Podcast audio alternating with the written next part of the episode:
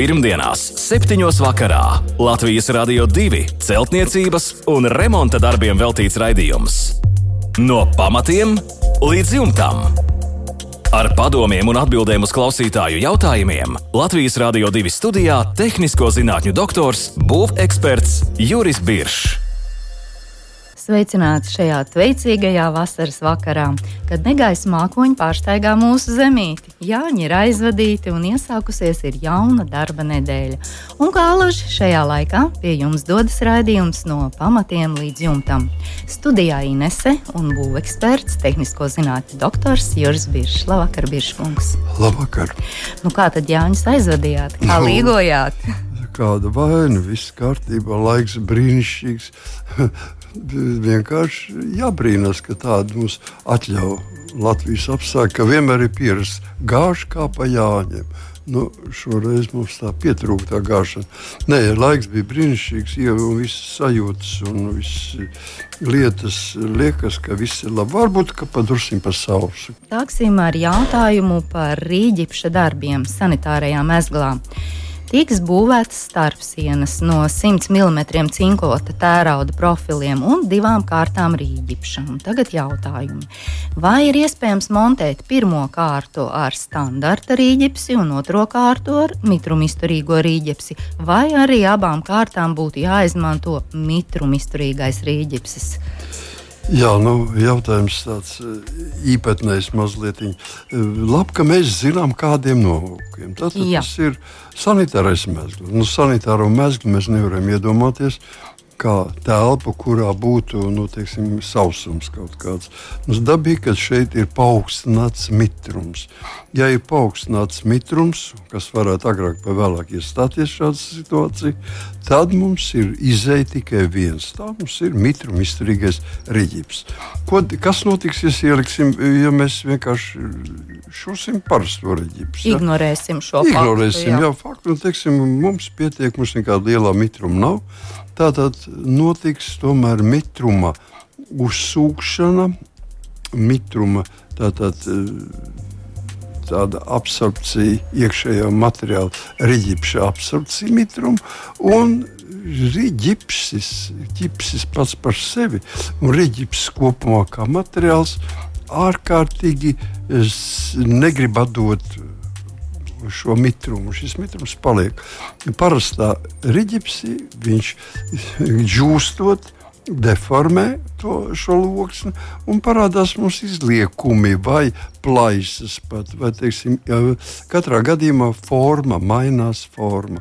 Pie mitrumistrīgā reģipša absolūti tas pats, tikai neveidojas nekādas uh, deformācijas. À, šis te slānis no jā. tur no Nē, nu, atšķirīgi, kamēr ir sauss, viss ir kārtībā, viss ir vienādi. Tiklīdz mēs teiksim, atļaujam samitrināt pirmo kārtu, kas iztaisīta no, no standarta reģipes, un otrā kārta atņems arī tai šo mitrumu, un pirmā kārta salieksies. Šis saliekšanās nav labs, laba šajā gadījumā. Katrā gadījumā viņi ietekmēs otru kārtu, un, un šeit radīsies ne, nu, visādas uh, spriedzes un, un izliekumu, ieliekumu, pat varbūt plaisas var rasties. Tāpēc es iesaku sanitāros mezglos montēt no mitruma izturīgā zaļā rīģips. Abas kārtas. Un Jā. šis mitruma izturīgais rīģips ir pārklāts ar kādu speciālu, speciālu pārklājumu, kas aiztur šo mitrumu. Tā kā slānīti vai nē, nē, tas nav domāts eh, par teiksim, aizturēt mitrumu. Tikpat labi mitrumu uzņems parastais kā mitrums. No abi ir rīģips. Abi jā. ņems un negribēs atdot vienam. Tikai tā lieta ir tā, tieši tāda, kad, kad parastais lieksies deformēsies. Mitrumizturīgais ir veidos tādu sastāvu, kas, kas to mazinātu. Ja? Tā, tas nozīmē, ka deformācijas būs būtiski mazākas. Nu jā, šim rīģipsim ir attiecīgi piejaukuma, acīm redzot. Jā, nu, šeit nav tikai pliks, pliks ģipsīts, šeit ir, ir piedevas un liesinātāji un plastifikātori. Un tur ir vesela virkne klāta kas, ir, kas sastāda šo papīru, -hmm. starp papīru loksnēm. Es kaut kā savā prātā kungs iedomājos, ka šis zilais slānītis notur, bet laikam tā ir aplama doma. Viņš nē, vienkārši tāds, nē, lai atšķirtos. Nē, nē, nē. Tas, ir, tas ir pilnīgi, jo tas ir papīrs, jūs, mēs varam vienkārši mierīgi parādīt to, ka mēs uz, uzlējam ūdeni, viņš slapinās. Un, -hmm. nu, ir, protams, labi iz, izveidotas riģipša loksnes, ja, Rīga ģips. Ja, Rīģips. Rīga ģi, rīģips skaitās, tas ir no vārda Rīga ģips. Ja, rīģips. Tā, mm, parasti, nu, tagad, ja negrib, negrib piesaistīt tieši to Rīgas izcelsmes, mm, tad mēs sakām ģipškartons un to visu dažādu firmu ģipškartons. Ja. Jā, skaidrs. Atbildi skaidra. Abas kārtas mitrumu izturīgo rīģips sanitārajā mezglā. Un nākamais jautājums. Kā labāk rīkoties? Vai montēt no sākuma sienas un tad griestus, vai arī otrādi? Četri. Kāda ir vēlamā darba Jā, secība? Vēlamā mēs nevaram teikt, diemžēl, jo savstarpēji konkurējušas ģipškartona izgatavotājs vai arī ģipšlokšņa izgatavotājs firmas, viņas nu, centīsies visu izdarīt, lai pierādītu, ka viņiem ir variants labāks. Nu, jā, Tāpēc ka viņi dažās, paši labāki. Jā, jā, dažās tehnoloģijās labāk būs viens, vai dažās tehnoloģijās būs ērtāk savādāks paņemies. Manā skatījumā, protams, ka labāk labāk ir veidot mm, vertikālās konstrukcijas, un tikai tad horizontālās mums ir karkas, uz kuru mēs balstām. Mm, tātad mm, savā ziņā balstām, savā ziņā arī šos griestu konstrukcijas. Ja? Tāpēc ir loģiski, liekas, ka tā būtu pareizāk. Bet es par to galvot nevaru. Ļoti uzmanīgi ir jālasa ģipškartona izgatavotai instrukcija. Un jādara katrs markas eh, ģipškartons ir jāmontē pēc šīs instrukcijas. Tad būs vislabākie rezultāti. Nekādā gadījumā nevajadzētu jaukt. Ņemt skrūves no viena, eh, ģipškartona loksnes no citur, no trešā vēl ņemt nu, teiksim, špaktelēšanas līdzekļus un tā tālāk. Tad mēs varam ātri vien iebraukt kādā nepareizībā. Un arī ģipškartoni, ja liek vairākas kārtas, teiksim, izdevies nopirkt lētāk vienu, tagad pietrūkst, un tagad pērk no citas firmas, tad arī nu, var būt. Jā, bet eh, tas varbūt mazāk iespaido. Tiešām šeit jāskatās vienīgais tas, lai tas būtu, nebūtu, ne, mēs nejauktu, teiksim, grīdas, arī ģipsi ar, ar, teiksim, ar, ar mitrumu izturīgo Jā. vai pēc tam ar parasto. Un, un tad ir uguns izturīgo, teiksim, ar ārā ģipsi, riģips. Šeit ir ļoti daži, dažādas šķirnes un, un, un tipi. Mm, tāpēc to gan nevajadzētu jaukt. Tas jau ņemam tā vienas vai no divu dažādu firmu, teiksim, uguns izturīgos mm -hmm. riģipšus. Viena veida. Viena jā. veida, jā. Bet nevis nu, dažādas. dažādas. Jā. Skaidrs, paldies. Un tālāk, kā labāk izveidot pieslēgumu starp esošo mūra sienu un rīģipsi, vai starp mūra sienu un rīģipsi atstāt arī spraugu un aizpildīt ar akrilu vai arī kādu citu materiālu. Šie visi, kā jau teicu, ir instrukcijās ļoti smalki aprakstīti. Ja, praktiski teiksim, Eh, es ieteiktu, tas no savas puses var ieteikt, teiksim, ja mēs eh, teiksim, uz mūrsienas izveidojam tvaikizolācijas, teiksim, parastās polietilēna plēves, vienu kārtu. Ja? Izveidojam, teiksim, tur 10 centimetru vai cik biezumā nostiepjam gar sienu, un viņai klāt cieši pienāk riģipsis. Tas viss ir nosegts un ne, no ārpuses neredz. Ja? Tad, tad tas mhm. viss atrodas tajā, tajā griezta konstrukcijā iekšā. Bet, mm, zinot, ka notiks temperatūra izmaiņas dēļ, mitruma izmaiņas dēļ, notiksies kustības, ja, tas riģips staigās uz augšu, uz leju, vai uz priekšu, vai atpakaļ. Savas kustība ir neizbēgama. Tad vienkārši viņš izmantoja to, ka viņš atdurā, atdūrās pret tvaika izolāciju, un tad brīvi notiek šī kustība. Jā, gaisa apmaiņa. Jā.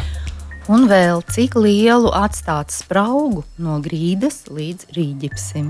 Nu, visiem, Nu, nu, protams, jā. mēs varētu izrēķināt līdz eh, milimetram, kā dodiet temperatūru, dodiet mitrumu, mēs visi Parametrus, pateiksim, līdz beidzam. jā. Bet eh, es ieteiktu vienu eh, tādu, nu, mm, pavisam praktisku paņēmienu iekšā.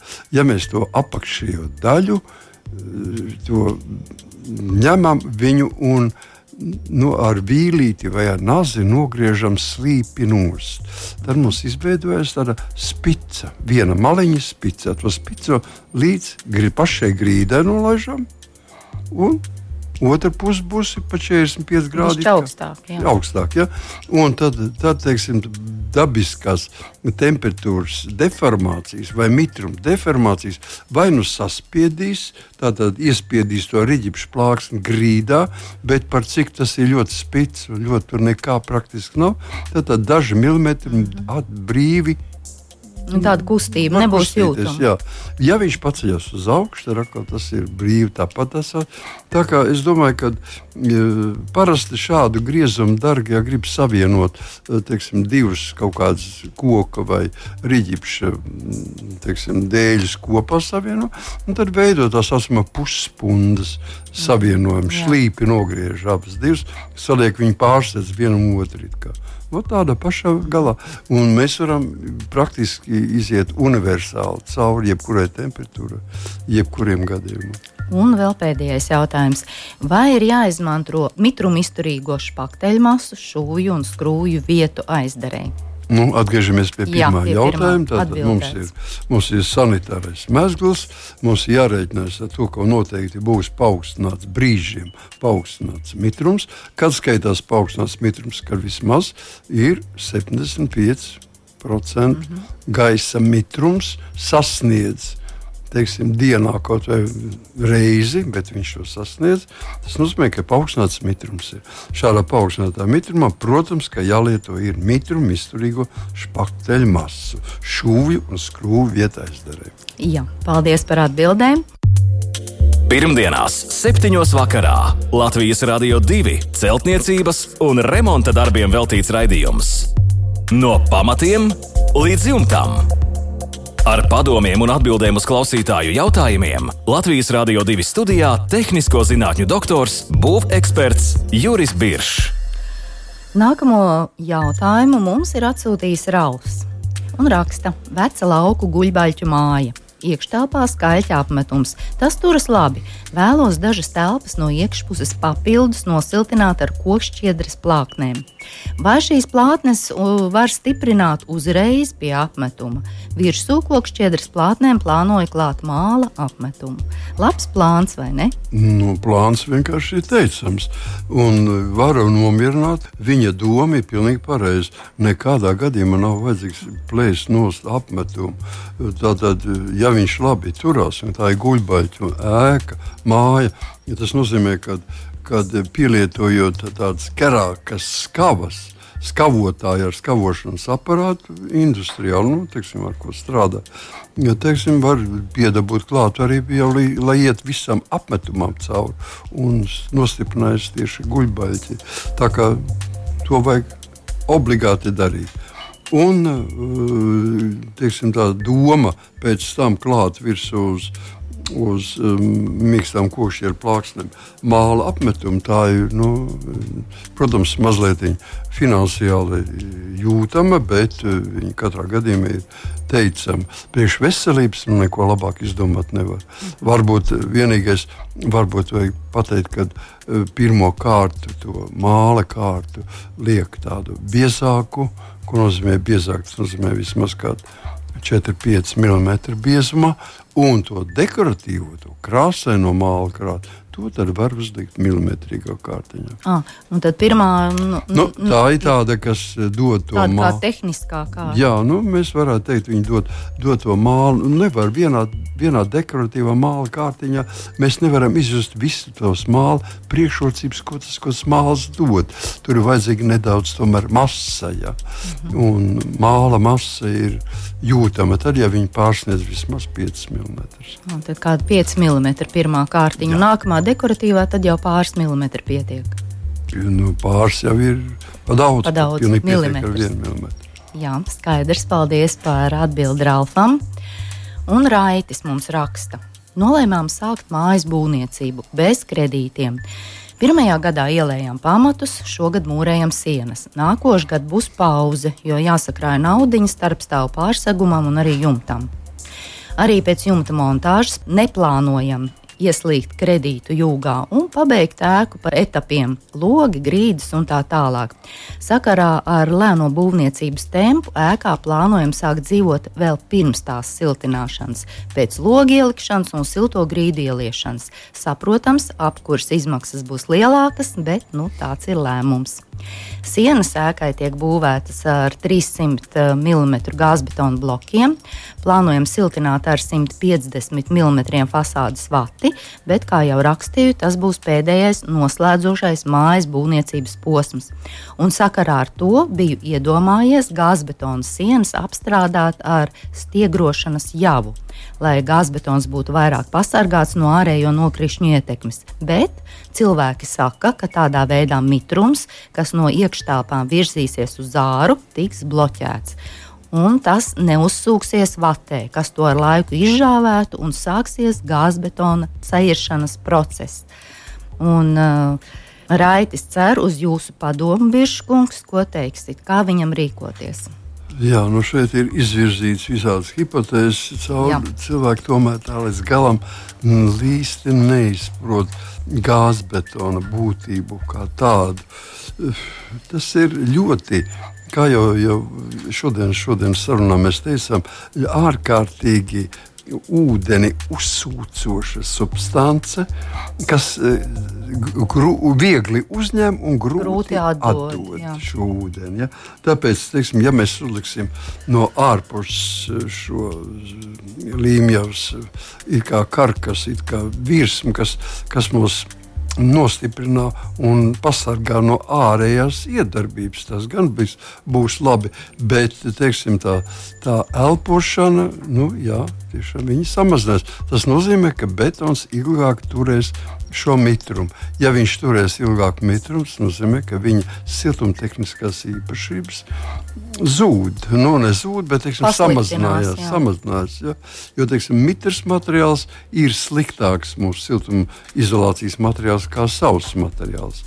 Jo tāpēc praktiski nu, es nezinu, vai tas būtu vajadzīgs. Es saprotu, ka kad uh, Raitas būvē māju tīra latviskā garā, tā ir uh, daudzi, ir daudz latviešu ģimenes tā ir būvējuši un būvē un ekonomiski, un, bet visu mūžu gan izved dzīvo. Nu, jā, soli pa solītim. Solītim tojas savam, savam mērķim. Tas nav nekas briesmīgs, protams, ka tas nav mm, teiksim, tas labākais paņēmiens, bet ko var darīt? Viss ir jānotiek pēc saviem nu, lēmumiem, ka tie mums ir, jā. Jā, tie mums ir svēti.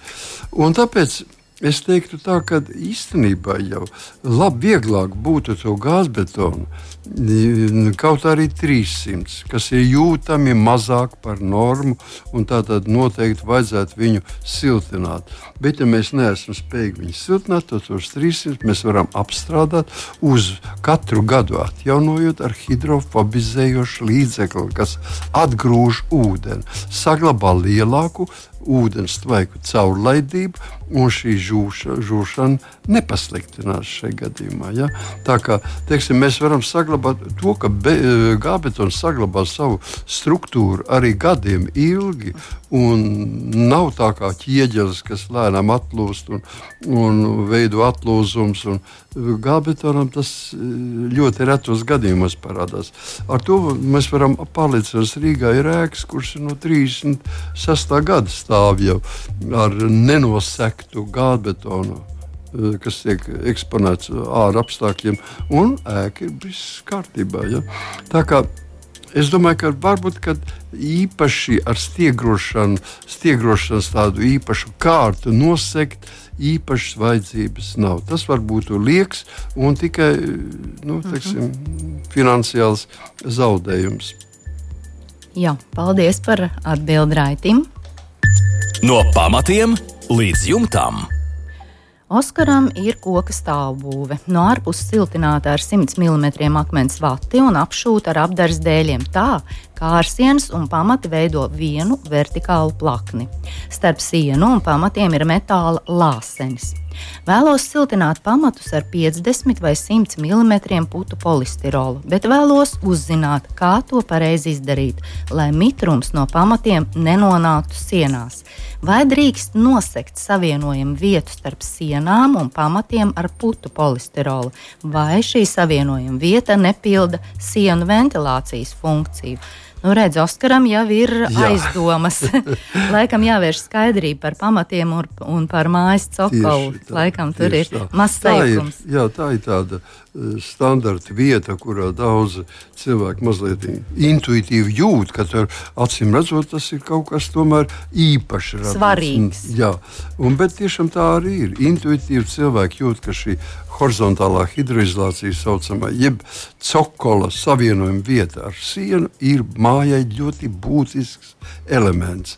Un nevis lai ventilētos, bet lai pilnībā nodrošinātu mājas patstāvīgu ventilēšanu.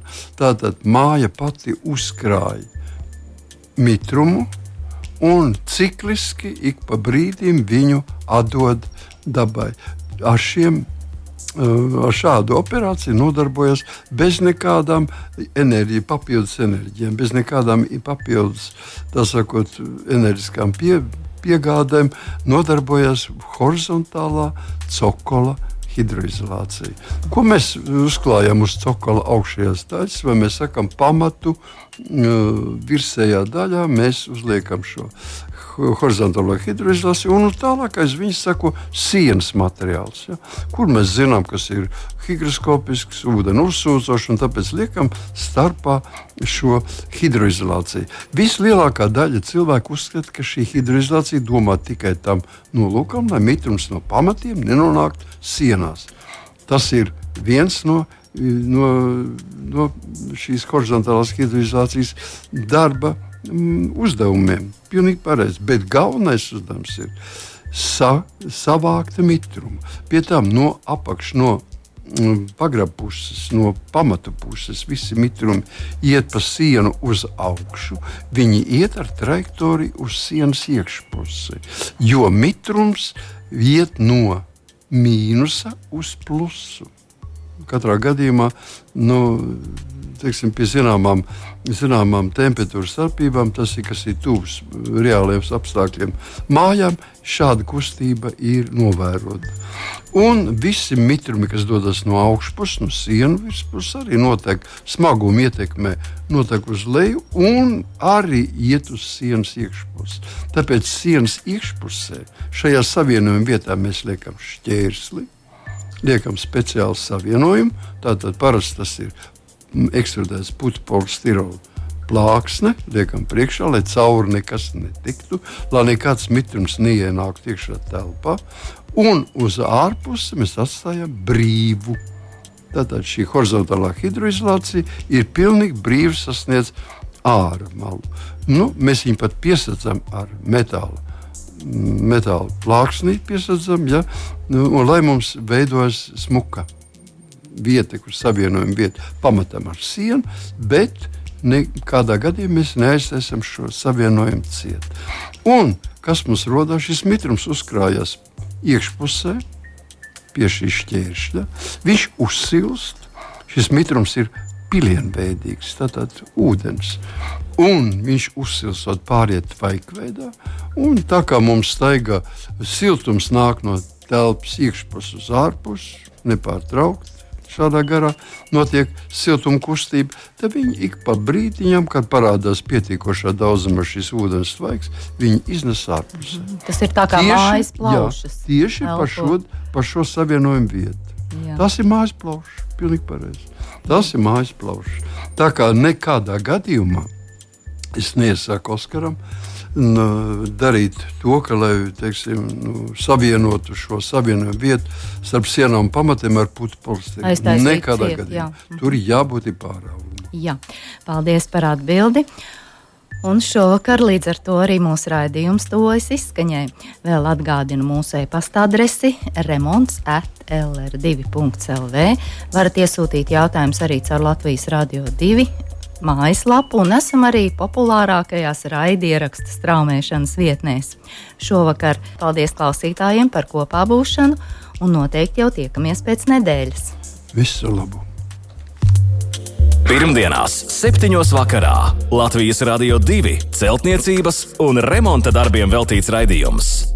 No pamatiem līdz jumtam! Ar padomiem un atbildēm uz klausītāju jautājumiem Latvijas Rādio 2 studijā - tehnisko zinātņu doktors, būveksperts Juris Biršs.